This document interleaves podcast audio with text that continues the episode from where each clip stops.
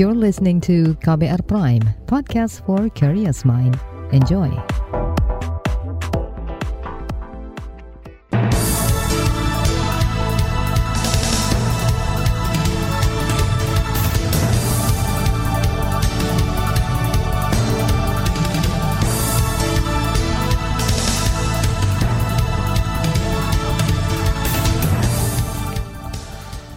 Selamat pagi saudara, senang sekali kami bisa menjumpai Anda kembali melalui program Buletin Pagi edisi Senin 4 April 2022 bersama saya Ardi Rosyadi. Sejumlah informasi pilihan telah kami siapkan di antaranya, meski kucurkan BLT, pemerintah tetap didesak ungkap mafia minyak goreng. Menteri Pertanian pastikan bahan pokok aman hingga Idul Fitri. Merasa terlantar, dua tentara pembebasan Papua Barat menyerahkan diri. Inilah Buletin Pagi selengkapnya. Terbaru di Buletin Pagi. Saudara kami sampaikan informasi yang pertama, pemerintah memutuskan untuk memberi bantuan langsung tunai atau BLT khusus untuk minyak goreng kepada masyarakat. Presiden Jokowi mengatakan BLT sebesar 100 ribu akan diberikan selama tiga bulan dan akan dicairkan sekaligus pada April ini. Untuk itu, Jokowi meminta Menteri Keuangan serta jajarannya segera menyiapkan anggarannya. Kita tahu harga minyak goreng naik cukup tinggi sebagai dampak dari lonjakan harga minyak sawit di pasar internasional. Untuk meringankan beban masyarakat, pemerintah akan memberikan BLT minyak goreng. Bantuan itu akan diberikan kepada 20,5 juta keluarga yang termasuk dalam daftar bantuan pangan non-tunai BPNT dan program keluarga harapan PKH, serta 2,5 juta PKL yang berjualan makanan goreng gorengan. Itu tadi Presiden Joko Widodo. Sementara itu, tenaga ahli utama kantor staf Presiden KSP Abraham Wirotomo menyatakan BLT ini diberikan sebagai solusi alternatif ini untuk membantu masyarakat di saat harga minyak goreng melambung agar daya beli terjaga apa yang dilakukan oleh pemerintah ada dua subsidi barang dan memberi bantuan subsidi ke orang. Nah subsidi barangnya itu apa? Kita berikan 1,2 juta liter subsidi untuk minyak goreng curahnya yang kita sasar untuk masyarakat miskin adalah bantuan langsung tunai yang secara langsung di, akan dikirimkan kepada rekening mereka dan bagi yang belum memiliki rekening akan disalurkan melalui PT Pos. Dan dengan demikian pemerintah bisa menjaga dari daya beli terutama masyarakat kita yang menengah ke bawah. Abraham juga menjelaskan pemerintah telah menyubsidi minyak goreng curah sebanyak 1,25 juta liter, di mana anggaran subsidi didapat dari menaikkan tarif tahunan ekspor CPO menjadi 200 hingga 220 US dollar atau sekitar 2,8 hingga 3,1 juta rupiah per ton. Menanggapi hal itu, Anggota Komisi Bidang Industri DPR RI fraksi PKS Amin Aka menyoroti pemberian bantuan langsung tunai tersebut. Menurutnya kebijakan itu hanya bersifat sementara. Kalau yang kalau begini yang terjadi kan ya ini kan namanya hiburan aja gitu atau pencitraan saja. Kalau yang saya harapkan, saya minta kepada pemerintah kan e, menyelesaikan krisis minyak goreng ini dari hulunya diselesaikan secara apa komprehensif, sistemik, tentu dimulai dari hulunya, dari sumbernya. Anggota DPR RI Amin Aka mengatakan semua orang sudah tahu penyebab krisis minyak goreng karena itu dia mendorong pemerintah segera menegakkan hukum dan bertindak sesuai kewenangannya. Ia juga menambahkan saat ini waktu yang tepat untuk menunjukkan keseriusan pemerintah dalam menindak para mafia kartel minyak goreng. Tanggapan yang sama datang dari pengurus harian Yayasan Lembaga Konsumen Indonesia YLKI Agus Suyanto. Ia menilai bantuan langsung tunai BLT minyak goreng bagi masyarakat ibarat obat penghilang sakit atau solusi instan. Sebab kata dia pemerintah belum menyelesaikan pokok permasalahannya. Untuk itu ia mendesak pemerintah menuntaskan akarnya agar semua masyarakat mendapat manfaatnya. Selanjutnya seperti apa? Apakah setiap tiga bulan akan diberikan atau hanya tiga bulan itu? Di satu sisi banyak juga yang belum mendapatkan. Nah ini seperti apa penanganannya? Kan atau paling ideal adalah membuat mekanisme bagaimana komoditas yang diberi BLT itu itu bisa terjangkau oleh masyarakat sehingga masyarakat nggak perlu lagi bantuan langsung tunai, tetapi bisa menebus harga uh, komoditas tersebut dengan murah. Ini yang diperlukan sebetulnya. Kebijakan-kebijakan yang berpihak kepada rakyat yang kemudian bisa mengendalikan harga minyak goreng itu yang justru dibutuhkan. Pengurus YLKI Suyanto juga mengkritik jumlah penerima manfaat BLT tersebut. Menurutnya masyarakat yang membutuhkan bantuan lebih banyak dari ketetapan pemerintah yang hanya 20 jutaan kepala keluarga. Hal ini lantaran selama pandemi banyak masyarakat yang turun kelas menjadi golongan miskin. Saudara, pengamat ekonomi sekaligus Direktur Center of Economic and Law Studies Selios Bima Yudhistira menilai BLT minyak goreng justru akan membuat minyak goreng curah semakin langka. Menurutnya, persoalan minyak goreng tak bisa diselesaikan dengan BLT, tetapi harus dengan perbaikan tata kelola dan penegakan aturan yang tegas dari pemerintah. Orang misalnya dalam kategori miskin, PKH disuruh membeli minyak goreng curah, diberikan bantuan 100 ribu rupiah per bulannya, tetapi yang terjadi adalah antriannya cukup panjang. Jadi sekarang ini bukan masalah hal atau tidaknya, itu masalah satu. Masalah yang kedua adalah barangnya ada atau tidak. Bahkan untuk minyak goreng curah, karena minyak goreng kemasan disparitasnya sangat jauh dengan minyak goreng curah, maka orang akan berebut berbondong-bondong mengkonsumsi minyak goreng curah. Dan ini bukan hanya terjadi pada rumah tangga, PKL juga seperti itu. Bima mengatakan bantuan tunai juga rawan disalahgunakan. Ia menduga akan ada banyak masyarakat yang menggunakan uang Rp300.000 tersebut untuk keperluan lain di luar minyak goreng. Saudara Menteri Pertanian pastikan 12 komoditas pangan aman hingga Idul Fitri. Informasi selengkapnya sesaat lagi, tetaplah di Buletin Pagi KBR. You're listening to KBR Pride, podcast for curious mind. Enjoy!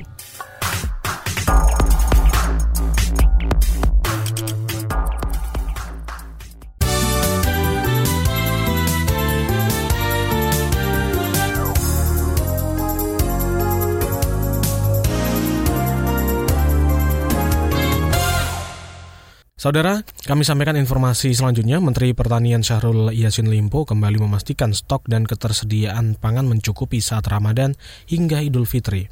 Komoditas yang dipastikan aman di antaranya beras, jagung, kedelai, bawang, cabai, daging, telur, dan minyak goreng. Kementerian Pertanian juga melakukan antisipasi Ramadan dan Idul Fitri untuk menjaga ketersediaan pasokan komoditi pangan pokok tersebut. Sampai dengan akhir Mei 2022, ketersediaan dalam kondisi aman. Sekali lagi, cukup baik dan terkendali. Mentan Yasin Limpo mengatakan gejolak kenaikan harga pangan saat Ramadan selalu terjadi, akan tetapi kata dia instruksi Presiden Jokowi sudah jelas bahwa ketersediaan bahan pangan harus tercukupi walau harga agak tinggi. Kita beralih ke informasi politik. Pakar Hukum Tata Negara Refli Harun menyebut kinerja pemerintahan Presiden Jokowi di bidang penegakan hukum buruk. Ia menilai Indonesia belum bisa keluar dari kubangan korupsi sebab belum ada revolusi sikap dan pola pikir penegak hukum yang benar-benar lurus.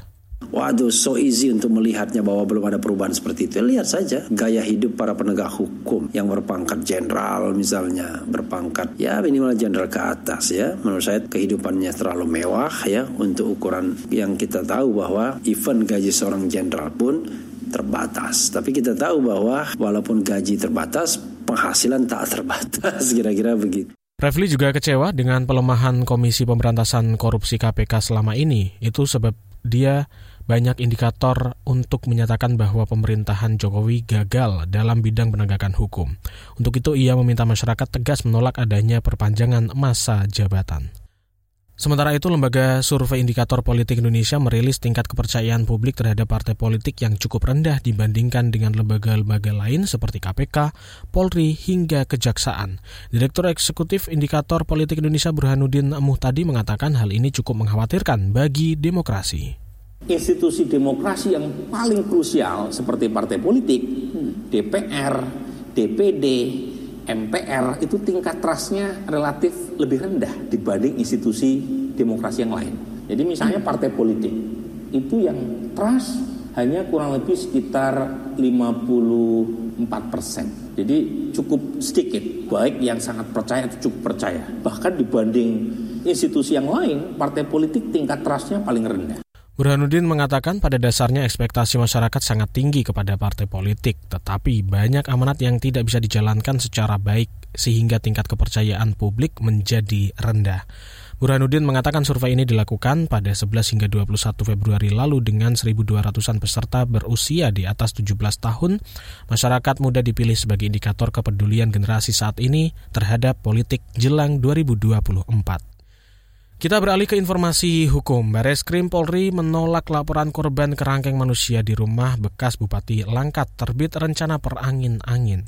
Anggota Komisi untuk Orang Hilang dan Korban Tindak Kekerasan Kontras Sumatera Utara Rahmat Muhammad mengatakan laporan itu ditolak dengan alasan proses penyidikan, proses penyelidikan masih berjalan di Polda Sumatera Utara. Sudah banyak sesungguhnya eh, saksi-saksi yang dihadirkan oleh eh, Polda Sumatera. Terakhir membaca bahwa ada 70 saksi yang dihadirkan. Dan tentunya harapannya adalah memang uh, ada yang bisa ditetapkan sebagai tersangka, terutama adanya aktor uh, politik ya, karena TRP merupakan ex bupati, lalu kemudian uh, dia juga politikus, dan tentu saja ketika itu terjadi maka ada afiliasi-afiliasi yang mengamankan itu. Ya kami harapannya ada elit yang ditetapkan sebagai tersangka. Anggota Kontras Rahmat Muhammad juga mendesak Komisi Kepolisian Nasional Kompolnas untuk mendorong proses penegakan etik terhadap para terduga anggota kepolisian yang terlibat dalam kasus kerangkeng manusia ini. Selain itu, ia meminta Kementerian Hukum dan HAM memberi atensi pada penegakan hukum atas kasus tersebut. Kita beralih ke informasi ekonomi. PJS Corporate Sekretari PT Pertamina Patraniaga Irto Ginting menyatakan stok Pertalite aman. Hal ini menjawab kabar bahwa sejumlah stasiun pengisian bahan bakar umum SPBU mengalami kelangkaan bahan bakar minyak atau BBM jenis RON 90 itu. Ia mengakui permintaan pembelian Pertalite meningkat imbas naiknya Pertamax sejak 1 April lalu. Masyarakat pengguna Pertamax diduga beralih ke Pertalite. Kenaikan pertama kemarin memang ada peningkatan untuk pembelian pertalite. Kami pastikan di sini bahwa stok kami itu cukup dan kami tidak membatasi. Kita akan memenuhi semua kebutuhan di uh, SPBU. Bahkan terminal kami beberapa juga standby 24 jam untuk melayani SPBU. Irto menjamin bahwa Pertamina akan terus mensuplai Pertalite ke semua SPBU dan akan memenuhi semua kebutuhan Pertalite untuk masyarakat, sehingga ia meminta agar masyarakat tidak khawatir dan membeli BBM dengan jumlah berlebih. Kita beralih ke berita mancanegara. Ukraina mengklaim berhasil merebut kembali sejumlah merebut kembali semua daerah di sekitar ibu kota Kiev dari Rusia. Ini jadi pertama kalinya sejak per perang dua negara pecah sejak beberapa waktu lalu. Dikutip dari Reuters, Ukraina mengatakan pasukannya telah merebut lebih dari 30 kota dan desa sekitar Kiev sejak Rusia mundur akhir pekan kemarin. Tidak ada komentar dari Rusia terkait klaim tersebut. Reuters juga menuliskan tidak bisa segera memverifikasi ucapan Ukraina tersebut. Kita ke informasi berita olahraga. Alex Esparago Alex Espargaro berhasil merebut podium di MotoGP Argentina 2022 kemarin. Ia sukses mengalahkan George Martin dalam duel sengit di partai ini, sementara podium ketiga direbut pebalap Suzuki Alex Rins. Kemenangan di MotoGP Argentina merupakan kemenangan emosional bagi Espargaro. Pasalnya, ini kali pertama ia meraih kemenangan posisi pertama dalam 200 start di MotoGP. Menariknya, laga ini adalah kemenangan pertama Espargaro sepanjang karir di ajang Grand Prix, meski sudah memiliki pengalaman dari mulai kelas 125 cc pada 2004. Kita ke informasi sepak bola. Inter Milan berhasil mengalahkan Juventus 1-0 lewat gol penalti pada lanjutan Liga Italia di Stadion Allianz dini hari tadi. Kemenangan atas Juventus membuat Inter Milan mengokohkan peluang dalam perebutan gelar Liga Italia. Tim asuhan Simon Inzaghi itu berada di posisi ketiga dengan 63 poin, terpaut hanya 3 poin dari AC Milan dan Napoli di posisi puncak. Sementara Juventus tetap berada di posisi keempat dengan 59 poin. Di bagian berikutnya kami akan hadirkan laporan khas KBR bertajuk Sepeda Adaptif untuk Permudah Akses Difabel. Tetaplah di Buletin Pagi KBR. You're listening to KBR Pride, podcast for curious mind. Enjoy!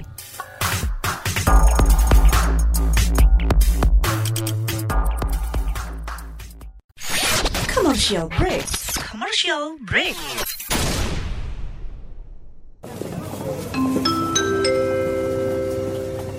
Mohon perhatian, panggilan terakhir penumpang Trending Air dengan nomor penerbangan WT0101 dipersilakan segera mendengarkan podcast What's Trending melalui Spotify.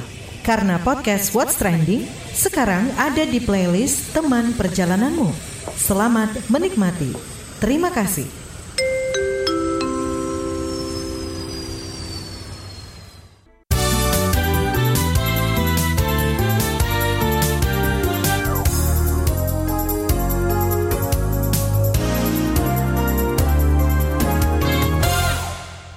Terima kasih Anda masih bersama kami di Buletin Pagi KBR. Kita ke laporan Saga KBR. Tak bisa dipungkiri, kalangan penyandang disabilitas masih terpinggirkan. Akses mereka di hampir semua sektor masih minim, bahkan dari hal kecil seperti mobilitas, bergerak, dan berpindah tempat. Kondisi ini menarik memantik kepedulian sembilan anak muda yang tergabung dalam komunitas sepedaptif. Mereka merancang dan membuat sepeda khusus untuk difabel. Seperti apa kisahnya? Simak saga KBR yang disusun Ninik Yuniati. Laporan selengkapnya dibacakan oleh Astri Yuwanasari.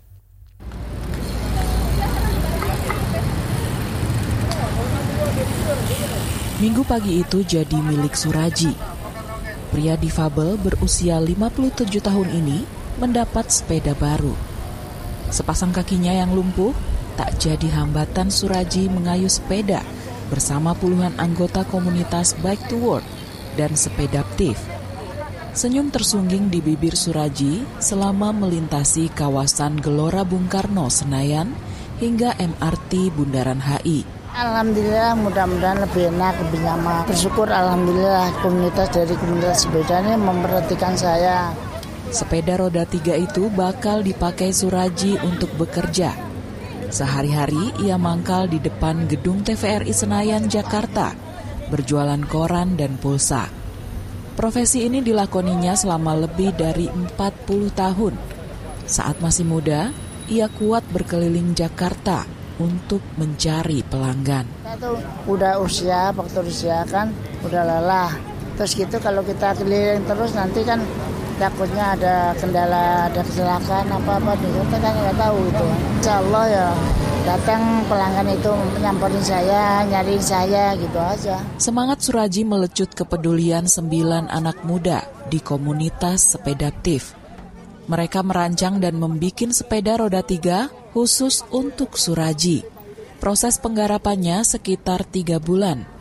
Co-founder Sepedaptif Muzaffar Iksan Wibowo. Jadi bener-bener yang memang kita buatkan handmade. Sepeda ini hanya untuk Pak Suraji. Ya mungkin nanti ketika dipakai Bu Darmila tuh nggak akan cocok karena mungkin kan kakinya beda dan lain-lain. Makanya itu yang membuat semakin lama. Prosesnya sebelum kita bikin tuh kita catat dulu fittingnya. Jadi kita datengin rumahnya Pak Suraji, kita ukur kemauannya Pak Suraji seperti apa, bangkunya seperti apa dan lain. Nah itu yang kita coba catat dan fasilitasi menjadi sebuah sepeda. Sepedaptif mendapat dana sekitar 50 juta rupiah dari Pertamina Foundation. Selain untuk Suraji, dana itu juga untuk memproduksi sepeda roda tiga bagi Darmilah, guru di Kabupaten Bogor, Jawa Barat. Dua sepeda ini merupakan proyek keempat dan kelima yang digarap Sepedaptif sejak dimulai empat tahun lalu. Kata Bowo, semua itu berawal dari anak difabel bernama Raihan. Dia itu selama 4 tahun itu nggak keluar kamar karena memang keluarganya itu nggak support dan memang masalah ekonomi. Dia padahal punya cita-cita dan kita refleksinya tuh ke anak kita. Saya melihat bahwa anak saya kenapa bisa gitu sepedahan. Mungkin kalau anak yang disabilitas itu tidak bisa.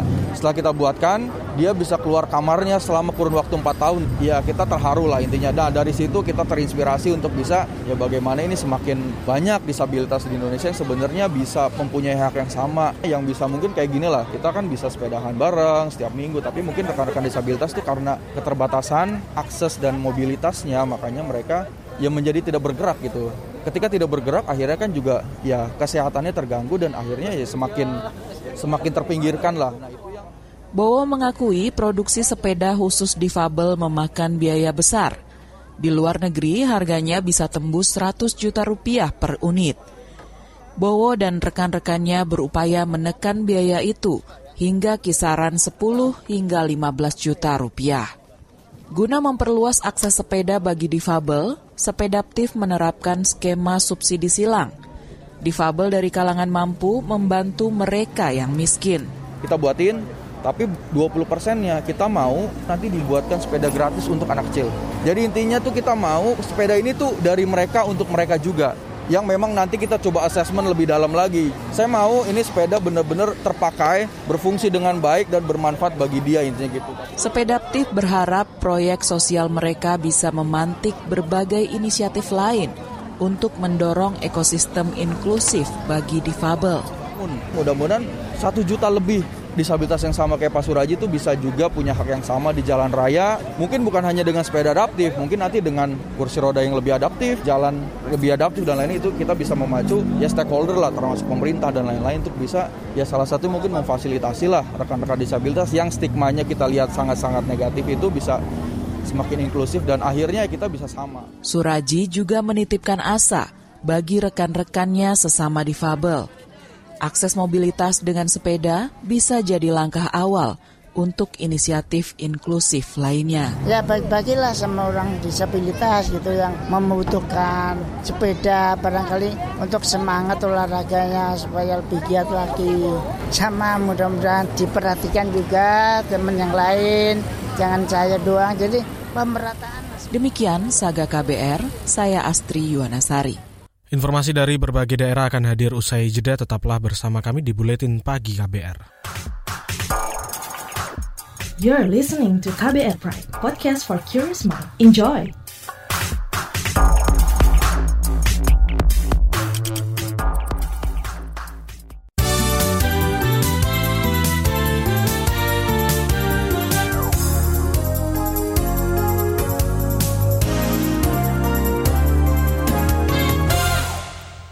Inilah bagian akhir buletin pagi KBR dan kami informasikan informasi yang pertama dari Papua. Dua anggota Tentara Pembebasan Nasional Papua Barat, Organisasi Papua Merdeka TPN PB OPM secara sukarela menyerahkan diri ke Koramil Kaimana, Papua Barat. Keduanya bernama Engel Veneteruma, 31 tahun, dan Natalis Watora, 25 tahun. Engel mengatakan ia melarikan diri dari kelompok lantaran merasa terlantan merasa terlantar serta bosan di hutan. Yang saya buat ini salah. Jadi teman-teman lain di kampung eh, kalau bisa melaporkan ke eh, Bapak Distrik Kambrau karena mereka bukan saya baik. Sementara itu Kapendam Kaswari Hendra Pesi Roron melalui keterangan tertulis mengatakan saat menyerahkan diri keduanya membawa dua mata panah, dua buah peluru senapan angin kaliber 3 mm, dan barang bukti lainnya. Dari Papua Barat kita ke Jawa Barat. Pemerintah kembali mengaktifkan kereta api Pangrango rute Bogor Sukabumi mulai pekan depan. Wakil Bupati Sukabumi Ios Sumantri mengatakan kembali diaktifkannya KA Pangrango akan dimanfaatkan untuk pengembangan objek wisata alam bahwa sangat sangat menanti uh, kehadiran KA atau di double track ini. Kemudian di samping itu uh, tentu apa yang disampaikan oleh beliau tadi Pak Wali Kota bahwa kehadiran warga masyarakat Bogor ke Sukabumi ini tidak hanya jalan-jalan semata-mata, juga tidak hanya melakukan kunjungan semata-mata, tapi ada tujuan lain yaitu kita ingin mengembangkan pariwisata yang ada di Kabupaten Sukabumi, baik di Cicuru, Bangkuda, Cibadak maupun dengan Geopark. IOS juga berharap stasiun Cicurug dapat dipercantik dengan penataan yang artistik sehingga mengundang masyarakat untuk berdatangan. Selain itu, ia juga berharap ada penetapan lokasi angkutan barang seperti AMDK. Menurutnya, langkah tersebut akan memudahkan barang masuk ke dalam stasiun. Sementara itu, dari Provinsi Bali kami sampaikan Satgas Penanganan COVID-19 Provinsi Bali mencatat hingga kemarin terdapat 65 orang pasien corona yang menjalani perawatan di rumah sakit rujukan. Dilansir dari Antara, Sekretaris Satgas Penanganan COVID-19 Bali Made Rentin mengatakan dalam sepekan terakhir terdapat 574 kasus aktif, 65 di antaranya mendapatkan perawatan intensif, sedangkan 509 lainnya menjalani karantina mandiri. Rentin menjalan, Alentin menjelaskan saat ini tingkat keterisian tempat tidur isolasi intensif atau ICU berada pada angka 6,31 persen, sedangkan untuk non-intensif sebesar 2,39 persen. Ia juga mengklaim kasus aktif terus menurun dan berada di bawah angka 100 orang per hari. Kendati demikian, pihaknya terus mengencarkan pemberian vaksinasi booster yang saat ini baru mencapai 52 persen. Informasi dari Bali menutup jumpa kita di buletin pagi hari ini. Pantau juga informasi terbaru melalui kabar baru situs kbr.id, Twitter kami di akun @beritaKBR serta podcast di alamat kbrprime.id. Akhirnya saya Ardi Rusyadi bersama tim yang bertugas undur diri. Salam.